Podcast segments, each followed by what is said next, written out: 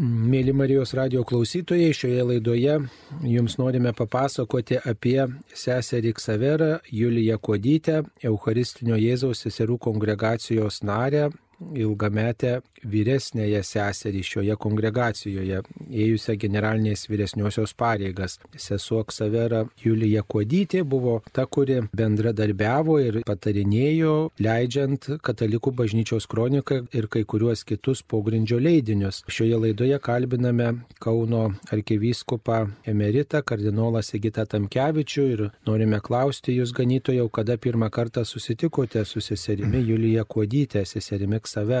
Tai buvo turbūt kokie 56 metai. Mokiausi kunigų seminarijoje ir mes seminaristai žinojome, kad yra tokia stomatologija sesuo Julytė, kaip ją vadindavom, kuri gali padėti bėdai ištikus. Tai dabar tiksliai neprisiminsiu, koks tai buvo mėnuo, bet atsiradus šiek tiek bėdų su dantimis apsilankiau Viešinskio gatvėje ir tada pirmą kartą sutikau seserį Juliją. Paskui ryšys nutrūko, jau toks rimtas ryšys atsirado, jau man būnant kunigu, vikaraujant Simne, kai kilo sumanimas leisti kroniką, man labai reikėjo bendradarbio. Reikėjo kronikai redaktoriaus, kalbininko. Dairiausi aplink ir su seserim Julija jau buvom labai taip gerai pažįstami. Vieną kartą kreipiausi pagalbos, įsakiau savo rūpestį, na ir po kažkiek laiko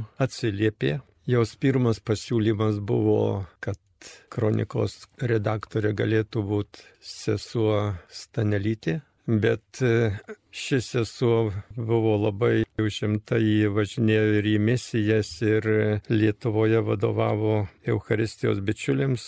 Tai pasiūlė kitą seserį, kuri buvo už tikėjimą atleista iš darbo, tai Vilnietė sesuo Elena Šuliauskaitė. Na ir nuo 74 metų toks susimesgė, toks tikrai tamprus ryšys. Sesuo Elena Šuliauskaitė atėjo į talką, na, o ten, kur gyveno sesuo Julija, jos damos tapo toks kaip punktas, per kurį ateidavo kronikai labai daug medžiagos. Namo priengi prie durų buvo toks guminis kilimėlis ir į tokią nusistovėjo labai gera praktika, kad kronikai atėjusi medžiaga būdavo pakišama po to guminiu kilimėliu ir niekam tikrai net mintis sunkiai galėjo ateiti, kad tokioje vietoje galėtų ten būti kas nors paslėpta. Taip kad net, kai jau vieną kartą buvo krata, tai net ir kratos metu saugumiečiams netėjo mintis pakeltą guminį kilimėlį. Tai per šitą centrą Donelaičio gatvėje 36 tikrai ateidavo labai daug kronikai medžiagos. Sesuo Julija buvo toks kaip netatinis kronikos darbuotojas. Visuose reikaluose buvo galima ją kreiptis, o viešpats ją buvo apdovanojęs tokiom gerom savybėm, kurios anuomet buvo labai reikalingos. Tikrai buvo labai tokia išmintinga, drasi, tvirta, taigi apsigimus vadovė. Tai iš tikrųjų ilgą laiką džiaugiausi turėdamas tokia bendradarbė, per kurią į kronikos redakciją atėjo reikalingi žmonės. Teko turbūt ne kartą aukoti šventasias mišes tuose namuose, kuriuose gyveno sesuo Julija Kuodytė. Ten buvo tokia kaip ir koplytėlė įruošta, net ir sovietmečiu. Labai daug kartų neteko, bet eilę kartų aukojau mišes toje koplytėlėje. Žinoma, ten buvo vienas toks e, niuansas e, kaiminė, kuri gyveno tam pačiam name sesuo Julija negalėjo tą kaiminę pasitikėti, mąstė, kad galėtų būti KGB užverbuotas žmogus. Panašu, kad taip ir buvo. Tai laikas nuo laiko aukodavau mišęs toje koplytėlėje. O kaip jūs tuose namuose bendraudavot, vis tiek jeigu ateidavot medžiagos pasiimti kronikai, reikėdavo gal apsikeisti tam tikrais e, žodeliais, kažko paklausti, kažką pasakyti, padaryti kažkokią pastabą, ar patarimą kokį duoti, ar išklausyti kažką. Nu vis viena gal kilo įtarimas, kad kad tuose namuose ir pasiklausimo, kokie aparatūra įdėta ar panašiai, kaip viskas vykdavo. Iš tikrųjų, tokiuose vietose kaip sesers e, Julijos namas, anais laikais visada įtardavom, kad gali būti pasiklausimas. Todėl ten, kur kalbos būdavo tokios neutralios apie dantis, tai kalbėdavom labai įprastai, o jeigu kas nors būdavo reikalinga konkrečiau apie kroniką, tai naudodavom rašymo priemonės. Kronikos laikais mums draugai amerikiečiai, lietuviai buvo atvežę rašymui tokios specialios kalkės, kur parašius galima buvo pakėlus lapą, dingdavo įrašas, tai tokiu rašymu pasinaudodavom. Bet tai čia jau kur būdavo, kas liesdavo tikrai pačią kroniką, kronikos medžiagą, o, o šiaip savo tai daugiausia būdavo bendravimas įprastas. Taigi sesuo Ksavera buvo ne tik vienuolė, bet ir dantų gydytoja. Ar patikėdavote jai taisyti savo dantis? Nuo seminarijos laikų tikrai tada niekur kitur neieškojom pagalbos, pasitikėjom, na ir žinoma, ji tikrai buvo profesionali gydytoja ir kai jau imdavos darbo, tai jį gerai atlikdavo. Na ir tuo laiku, kai būdavom įsižioję, taisydavo dantį, tai turėdavo galimybę daug ką pasakyti gerų dalykų. Tai ji buvo šitoje vietoje ne, nepralenkiama, grežė dantį ir tau pasakoja, ką nors su tikėjimu, su Lietuvu, panašiom temom. Tai buvo iš tikrųjų tokia dviguba nauda ir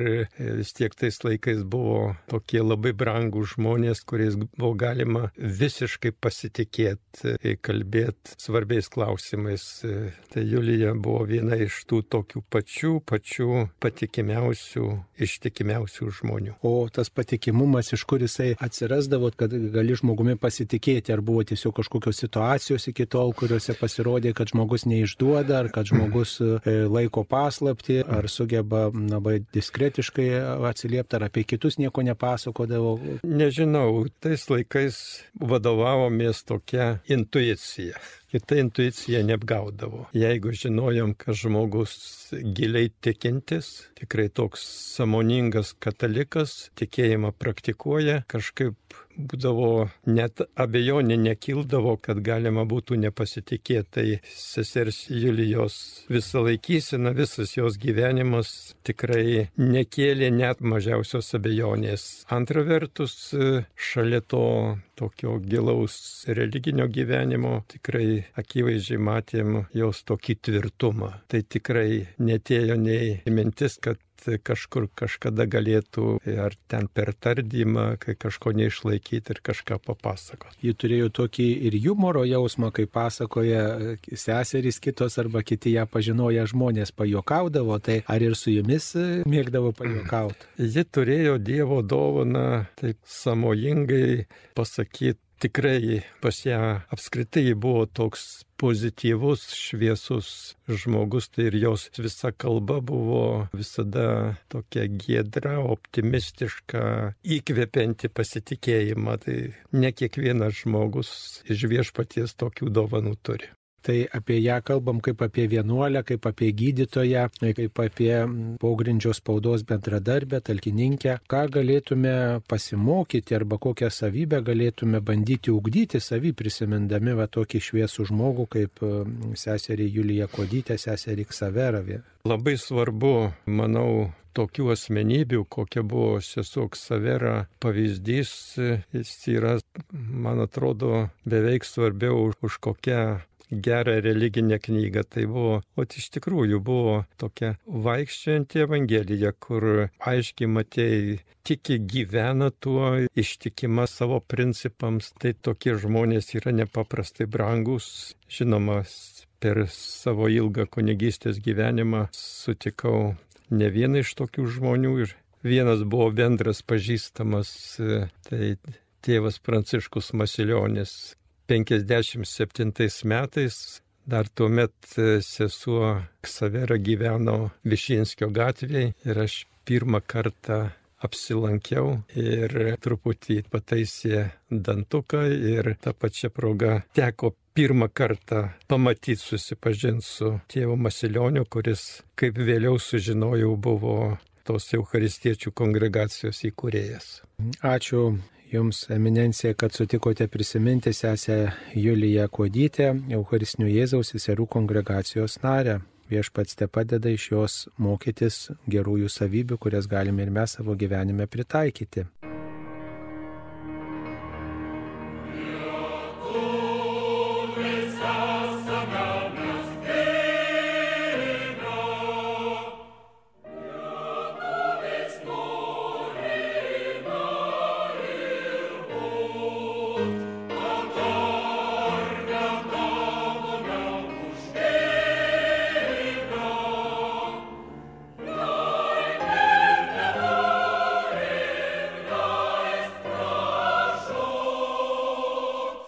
Sveiki, esu sesuo Gaudenta iš Eucharistinio Jėzaus seserų kongregacijos.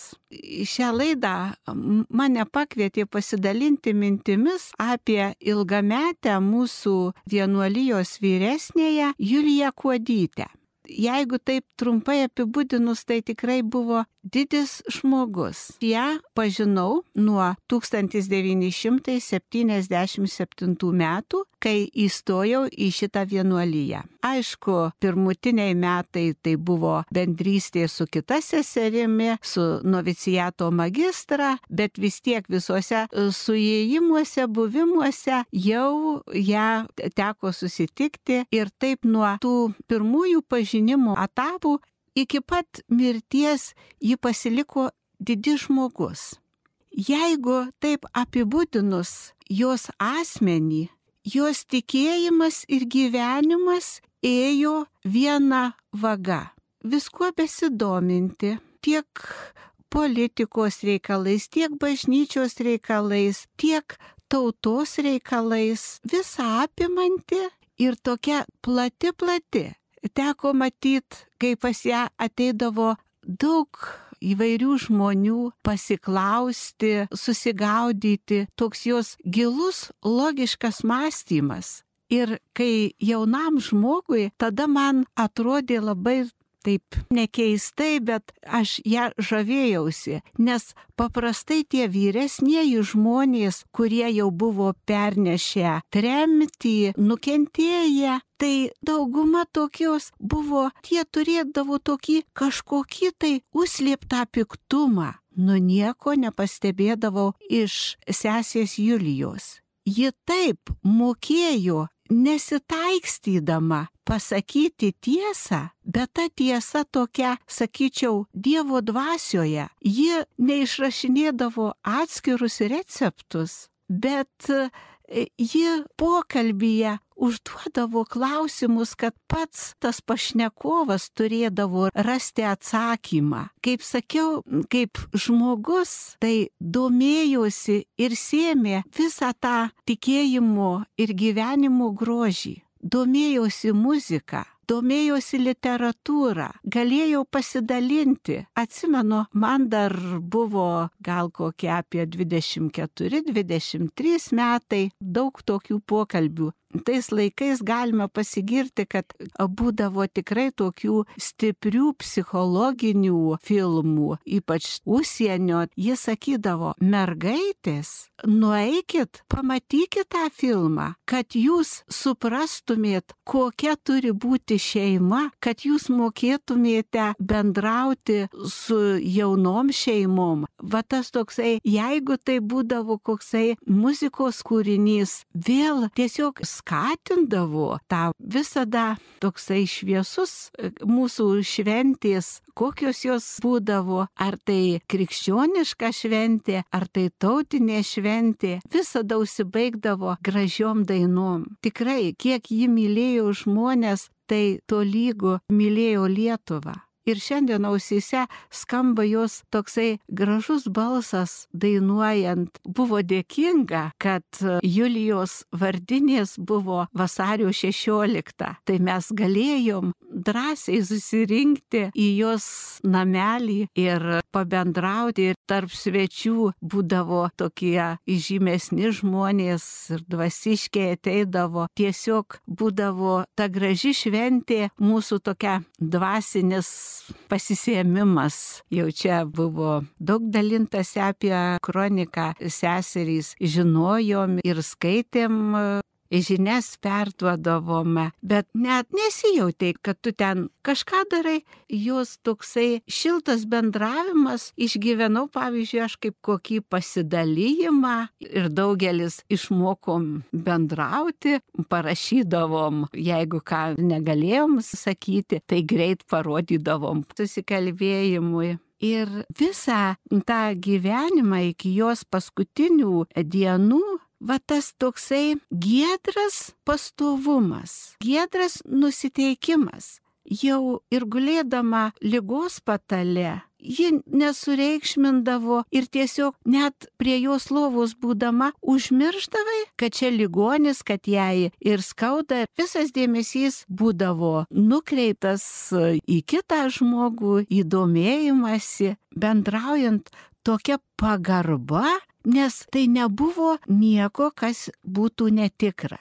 Tai va, pasidalinau tokiais trupinėliais, kurie galima būtų sudėti į kelias žodžius ir pasakyti viską. Tikrai sesuo buvo ir yra toks švyturėlis, yra šviesios prisiminimuos apie ją, kai reikia kažką spręsti, prisimeni va, su Julija tai buvo aptarta ir tikrai daugelis žmonių turėjo galimybės su ją susitikti ir manau, kiekvienas kaip ir aš gavo tą gerumo, tikrumo, natūralumo dozę. Prisiminimais dalinasi diakonas Benas Ulevičius. Sesę Juliją Kuodytę prisimenu kaip Julytę. Paprasčiausiai taip e, man atmintyje įstrigo jos vardas, nes e, tie mano prisiminimai be abejo taip pat labai labai jau seni, bet e, ryškus, nes buvo dar sovietiniai laikai, e, buvau mažas vaikas, kai pirmą kartą su Julyte susitikau, mano mama labai gražiai rūpinosi kad net ir sovietiniais laikais, kai buvo draudžiamas tikėjimas, draudžiama lankyti bažnyčią, vis dėlto, kad gaučiau tą susipažinimą su tuo, kas yra bažnyčia, Dievas, Kristus ir rūpinosi mano katechezę. Prisimenu nemažai prisiminimų kažkur bažnyčiose, kažkur e, būtuose e, sesės vienuolės ar e, tikintieji susirinkę kalba apie Dievą, apie Kristų. Taip pat būdavo pogrindiniai filmų peržiūrėjimai, ypatingai Jėzus iš Nazareto buvo toks e, filmas labai žymus, garsus ir aišku, Sovietų sąjungoje nelabai kas apie jį žinojo, bet mes buvom matę tuos filmus ir būdamas vaikas, atsimenu tą ilgą, ilgą, ilgą filmo peržiūrą. Ir štai taip ir susitikau susitikau su Julyte. Vėliau sužinojau, kad tai sesė. Pradžioj e, Julytė man buvo dantų gydytoja. E, ko gero tai buvo toks saugesnis būdas atvesti vaiką katechezijai pas sesės vienuolės į jų tą namelį Donelaičio gatvėje. Ir e, prisimenu, aišku, negaliu taip garantuoti, pasakyti preciziškai, tiksliai kas ten buvo, bet tokie įspūdžiai išlikė, kad vis stovėdavo tas e, automobiliukas su dviem besikeičiančiais etatiniais, e, greičiausiai KGB darbuotojais buvo stebima, kas ateina, kas išeina. E, na, bet aišku, vaikui taisyti dantisgi galima. Tai e, sesė Julytė e, buvo dantistė,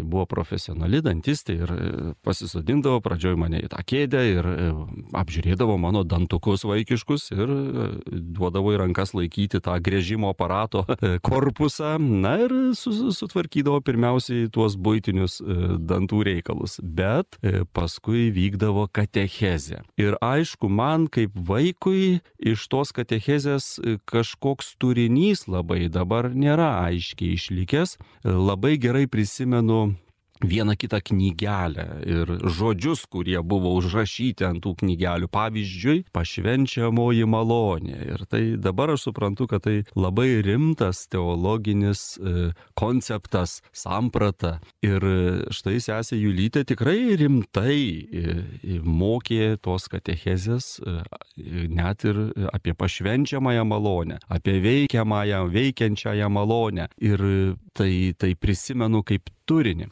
Bet labiausiai vis tiek man įstrigo atmosfera ir didelis, didelis džiaugsmas, kurį patirdavau apsilankęs, kiekvieno apsilankimo metu. E, prisimenu pirmiausiai laisvę didelę. Aš eidavau, nes norėdavau pasidalinti su Julyte e, savo vaikiškais atradimais e, visokiais. Pavyzdžiui, kad išmokau žvengti kaip arklys, nes buvau mažas vaikas, dar ko gero nelankiau mokyklos ir, na, va, išmokau garsiai, e, žirgeliškai, arkliškai nusižvengti. Ir e, Julytė, na, parodė, kaip tu čia žvengi, kaip tas arkliukas žvengia. Na ir aš žvengiu kaip tas arkliukas, juokiamės visi, ateina kitos sesės ir visiems labai smagu. Tada um, išmokau kažkokį šokį šokti linksmą. Ir aš vaikas ten strapalio iššoku ir, ir tą nu, labai šiltą prisimenu palaikymą, laisvę, džiaugsmą, kad tikrai e, su manim e, bendravo pagarbiai, taip kaip dera su vaiku bendrauti ir, ir aš laukdavau kiekvieno to apsilankimo. Ir jeigu jau vaikas laukia kiekvieno apsilankimo pas tetą, kuri taiso dantis, tai daug pasako, kiek buvo ten meilės, kažkokio tikrai didelio gėrio Viskas buvo įdomu, e, Julytė buvo labai įdomi, ji visada klausdavo manęs labai rimtai ir su tokiu, dabar aš matau, kad su tokia šviesia humoro gaidelė, aišku, bet niekada nepaniekinančiai, bet skatinančiai maždaug benuti kaip gyveni, na ir diskutuodavo rimtais klausimais, gyvenimo klausimais, mėgindavo užvest mane ant kelio tais klausimais ir pavyzdžiui prisimenu vieną pokalbį, kai e, turbūt aš mažas vaikas, e, greičiausiai kažką labai daug pasakau, ko aš noriu ir kaip aš noriu to ir nenoriu ano. Ir Julytė sako, Benuti, bet ar žinai, kad gyvenime yra 30 e, procentų noriu ir 70 procentų reikia. Ir aš vaikas iškart spontaniškai atsakiau, a, aš negopšas, man ir to 30 užteks. Ir prisimenu Julytę, ha, ha, ha, pradeda juoktis ir visiems vėl labai smagu. Tai tema rimta, diskusija rimta apie pareigas, apie įnorius, norus ir, ir tai, kas gera ir teisinga, bet viskas va tokio išviesoj. Visas turinys tokiu tikrai labai palaikančiu tonu ir pagarbiu pokalbiu. Ir vėliau be abejo išvykau jau studijuoti į Vilnių, tapau studentas ir e, sesę Julytę sutikdavau labai retai, bet išliko noras apsilankyti. Ir kars nuo, nuo karto grįžęs į Kauną užsukdavau pas ją. Ir užsukdavau jau be jokio reikalo. Katechezė buvo pasibaigusi, dantis e, taisydavausi jau kitur, bet buvo išlikęs noras papasakot, pasidalinti kažkuo. Ir netgi taip, kad galite įsivaizduoti, ką reiškia, kad paauglys, vat, aš buvau paauglys, pradėjau klausyti sunkų į metalą, roko muziką ir labai norėjau parodyti tą muziką Julytei. E, nes, na, buvo užsimesgę tie draugiški santykiai ir man buvo gera su ją dalintis, e, net tokiais atradimais. Ir labai gerai prisimenu, kai atėjau pas ją, jau buvau ilgaplaukis, metalistas, jaunasis e, toks štai sunkiojo metalo fanas ir atėjau pas Julytę pademonstruoti jai tos muzikos atsinešiau. Ir man atrodo, jį turėjo magnetofoną, tai įdėjome kasetę ir tokia grupė ACDC. Na ir ten tikrai labai labai toli nuo bet kokios klasikinės muzikos ir tas stilius e, tokiu džeržgiančiu balsu ir džeržgiančiam gitaroms, taiga klauso Julytė, kaip jau ta muzika ten skamba. Ir jos reakcija, e, ko galėtum tikėtis, ko gero gal, na, benuti, kas čia per muzika, čia nelabai muzika, gal reikėtų kažką gražesnio klausyti, nieko tokio nebuvo nebuvo visiškai. Ir Julytė klausė, klausė, klausė ir sako, ale žiūrėk, kaip šaukėsi Dievo žmonės, kurie jo nepažįsta. ir, ir linksmai nusijokė. Ir išliko tas toks nemoralizuojantis tonas, draugystė, bičiulystė, e, noras dalintis. Taip pat vienu metu buvom netgi tapę tokiais veiklos partneriais, bent jau man tai atrodė, tokiam jaunam paaugliui, tiksliai nepasakysiu, kada tai buvo, bet sovietiniai laikai jau judėjo į pabaigą, buvo šiek tiek atšilusi ta atmosfera, netiek dalykų draudžiamų, gal aštuntoje klasėje ir e, gaudavau iš Julytės knygų skaityti. Tos knygos buvo spausdintos mašinėle, per kalkę, kaip tuo met buvo daugint įprasta tuos rankraščius ir man tos knygelės darė labai rimtą įspūdį. Viena iš jų buvo kunigo Įliaus knyga Žmogui reikia Dievo, ar žmogus ieško Dievo, štai tokia. Ir aš ėmiausi misijos. Taip pat namuose turėjau spausdinimo mašinėlę ir sėdau ir perrašinėjau tas knygas, kur buvo kalbama apie apie tai, kad visgi protinga tikėti, jog yra Dievas, kad Jėzus Kristus ne koks pramanas, ne mitas, bet realus istorinis asmuo ir turim pagrindo tikėti jo prisikėlimu, kad krikščionybė yra nekvaila, kad ji yra labai e, protinga ir reikalinga ir išganinga religija. Ir sėdėjau dienomis, naktimis, buvo daug laiko skirta perspausdinėjau, perrašinėjau spausdinimo būdu tas knygelės, tada piešiau viršelius, Jėzų piešiau, tušų, plunksną, e, tokį man tada atrodė gražų ir kopijavau tuos viršelius ir gaminau, dauginau tas knygelės ir pradėjau mokykloje jas dalinti. Ir e, aišku, buvau e, Julytės labai palaikomas šitoj misijoje ir, ir galėjau su tokiu pasididžiavimu jai taip pat parodyti ir su tokiu džiaugsmu dalinau knygelės mokytojams, savo bendraklasėms, nes buvau labai užsidegęs. Tai dabar iki šiol, man dabar beveik jau 50 metų šiemet švesiu 50 metį, daug dalykų gyvenime keitėsi, bet niekada nebuvo nugesęs, prigesęs misionieriškas įkarštis, troškimas pasidalinti gerąją naujieną e, su žmonėmis kitais. Manau, kad čia sesės Julijos Kuodytės, ko gero ir mano mamos, jų tokio bendradarbiavimo pagrindinis indėlis ir buvo. Ir toks, na, anspaudas gerasis mano gyvenime, kuriuo labai džiaugiuosi, jis man labai brangus. Vėliau sužinojau, kiek daug Julytė melzdavosi už tuos e, vaikus ir visus žmonės, su kuriais susitikdavo ir taip pat ir už mane. Dar vėliau jau susitikus, tai vis e, maldos palaikymas, maldos palaikymas, bet jau e, retai pasimatydavo. Štai tokie šviesus ir gyvi prisiminimai išliko iš tų laikų. Julija Kuodytė, sesuo Ksavera papasakosime apie Eucharistinio Jėzaus seserų kongregacijos narę ir ilgametę vyresnėje tautinio ir religinio gyvenimo skatintoje, katalikiško ir tautinio pasipriešinimo sovietiniai okupacijai dalyvę seserį Ksaveriją Juliją Kodytę. Jie aktyviai bendradarbiavo rengiant ir platinant Lietuvos katalikų bažnyčios kroniką Aušrą kitus pogrindžio spaudos leidinius. Dirbo mėgstamą odontologės darbą, buvo gilaus dvasingumo žmogus, okupacijos metais vadovavo kongregacijai. Sesuo Julija Kodytė 1999 metais apdovanota Vyčio kryžiaus ordinu. Turėdama vienuolišką Iksaveros vardą buvo daugelio jo seserų ir pažįstamų vadinama Julytė nes tai labiau atspindėjo jos esybę būti patarėja ir godėja tiek kongregacijos seserims, tiek ir pasauliečiams. Jos gyvenimas įkvepiantis pavyzdys kiekvienam krikščioniui ir lietuviui patriotui.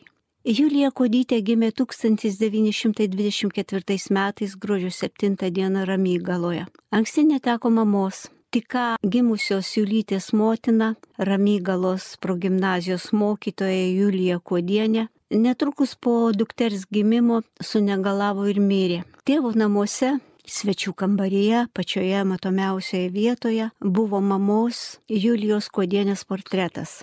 Kad mama yra kažkur šalia, kad ją mato, stebi, jai gero linki, Julytė žinojo nuo mažumės. Sekmadieniais viršaitis pranas kuodis į bažnyčią vesdavosi ir dukrelę. Po trejų metų našlavėsi sukūrė naują šeimą, vedė pro gimnazijos mokytoją. Tėvas leido dukrą į mokslus, įbaigė Ramygalos progymnaziją, vėliau mokėsi Panevežio gimnazijoje. Vytauto didžiojo universiteto medicinos fakultete 1941 metais studijuoti pradėjusi Julija gyveno Maironio namuose. Studijuodama stomatologiją, Julija buvo aktyvi ateitininkė, priklausė studentų medikų korporacijai Gaja. Būdama įsitikinusi laisvės principų teisingumu, dalyvavo ir pogrindinio antinacistinio laikraščio į laisvę organizavimo ir platinimo darbe. Reikšminga buvo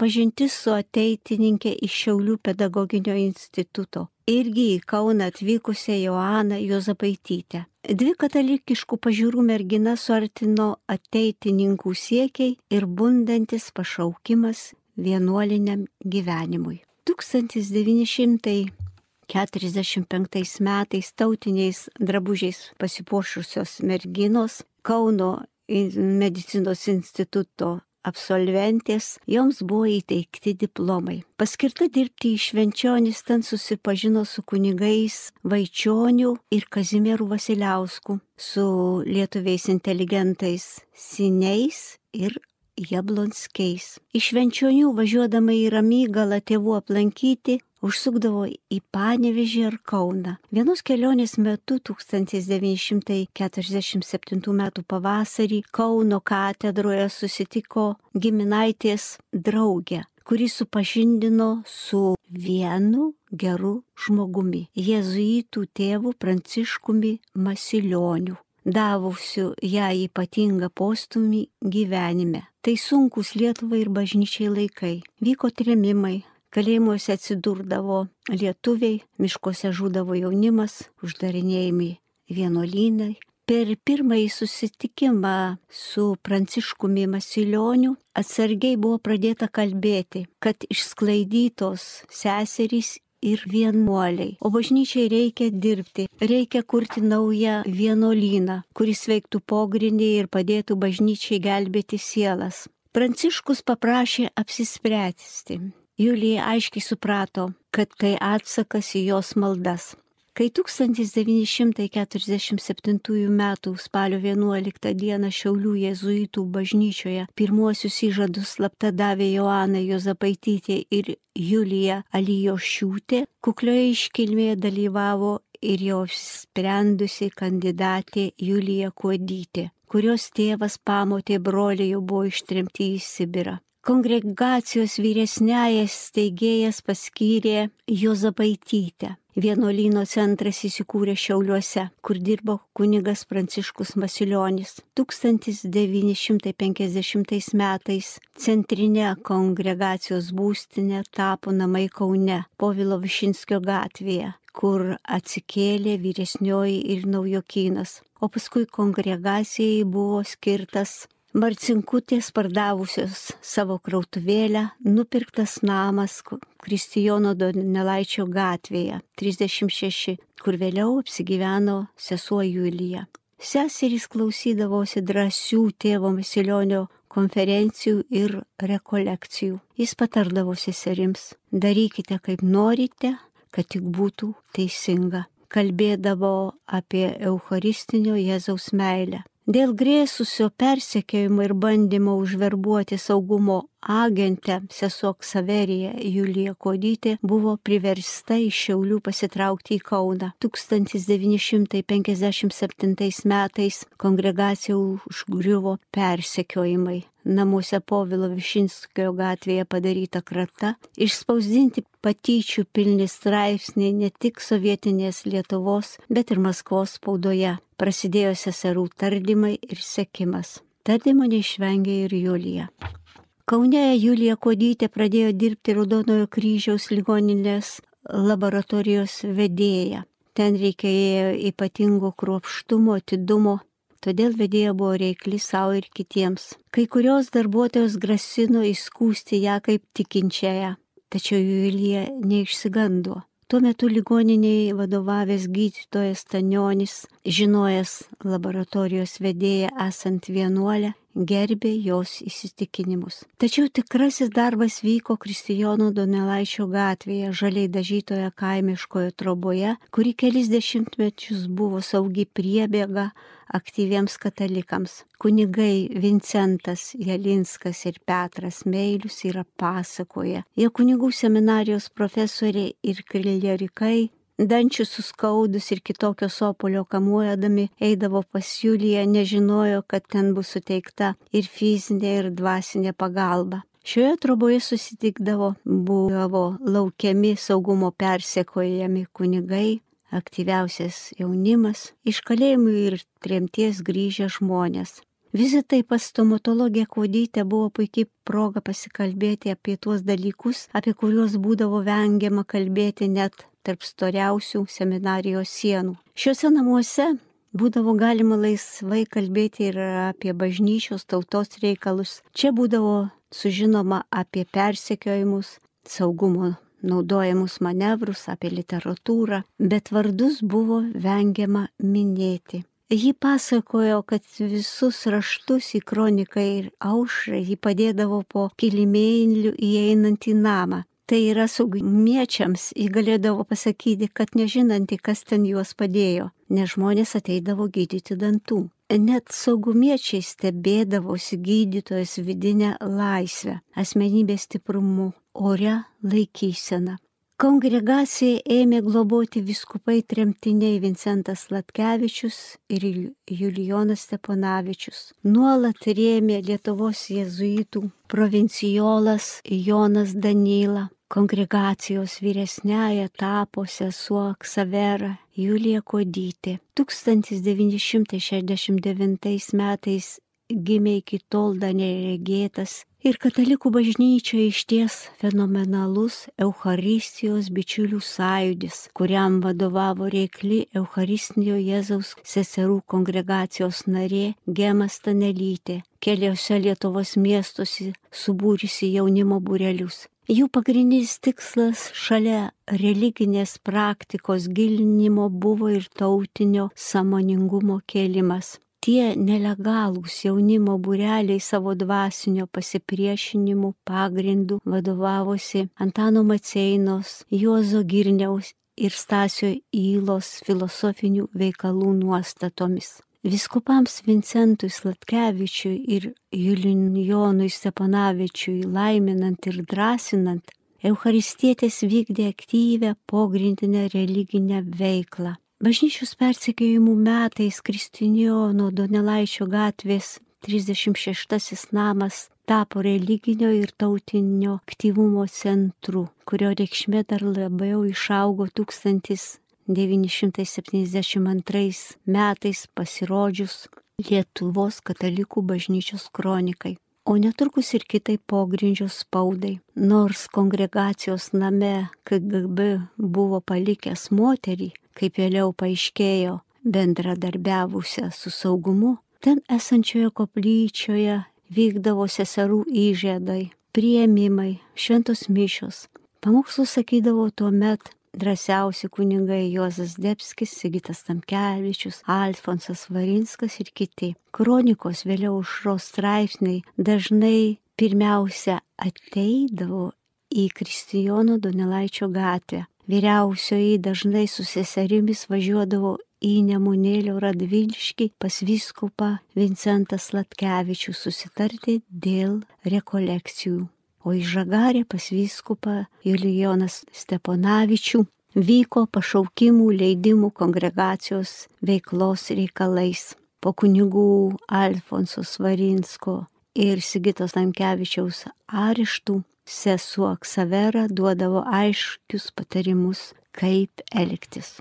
Sesuo Ksaverija Julija Kodytė 1982-86 metais ir nuo 1990-97 metų ėjo Eucharistinio Jėzaus seserų kongregacijos generalinės vyresniosios pareigas, o vėliau iki 2010 metų buvo namų vyresnioji. Ji didžiąją gyvenimo dalį praleido Kaune, visiems liko katalikiško disidentinio judėjimo nare, daug prisidėjusi prie Lietuvos katalikų bažnyčios krotnikos platinimo. Namai, kuriuose gyveno, buvo dvasinės, patriotinės atgaivo žinys. Ji buvo puikiai gydytoja, pasižymėjo humoru, kartu gilia išvalga ir dvasingumu. Seserims visada buvo artimiausia patarėja, guodėja, dvasinė mokytoja ir palydėtoja.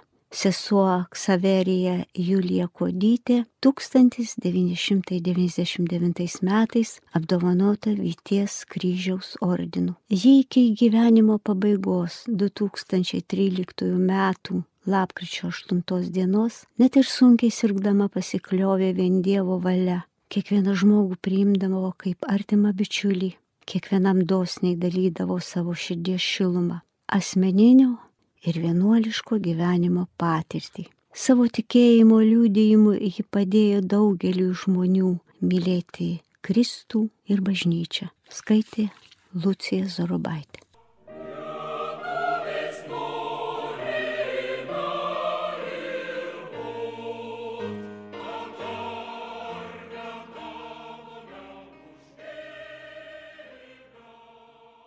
Sekančioje Lietuvos šviesuolį laidoje girdėsite Vido Braičio, Eucharistinio Jėzaus kongregacijos sesers Egidijos, skulptoriaus Ado Teresiaus prisiminimus apie Juliją Kuodytę.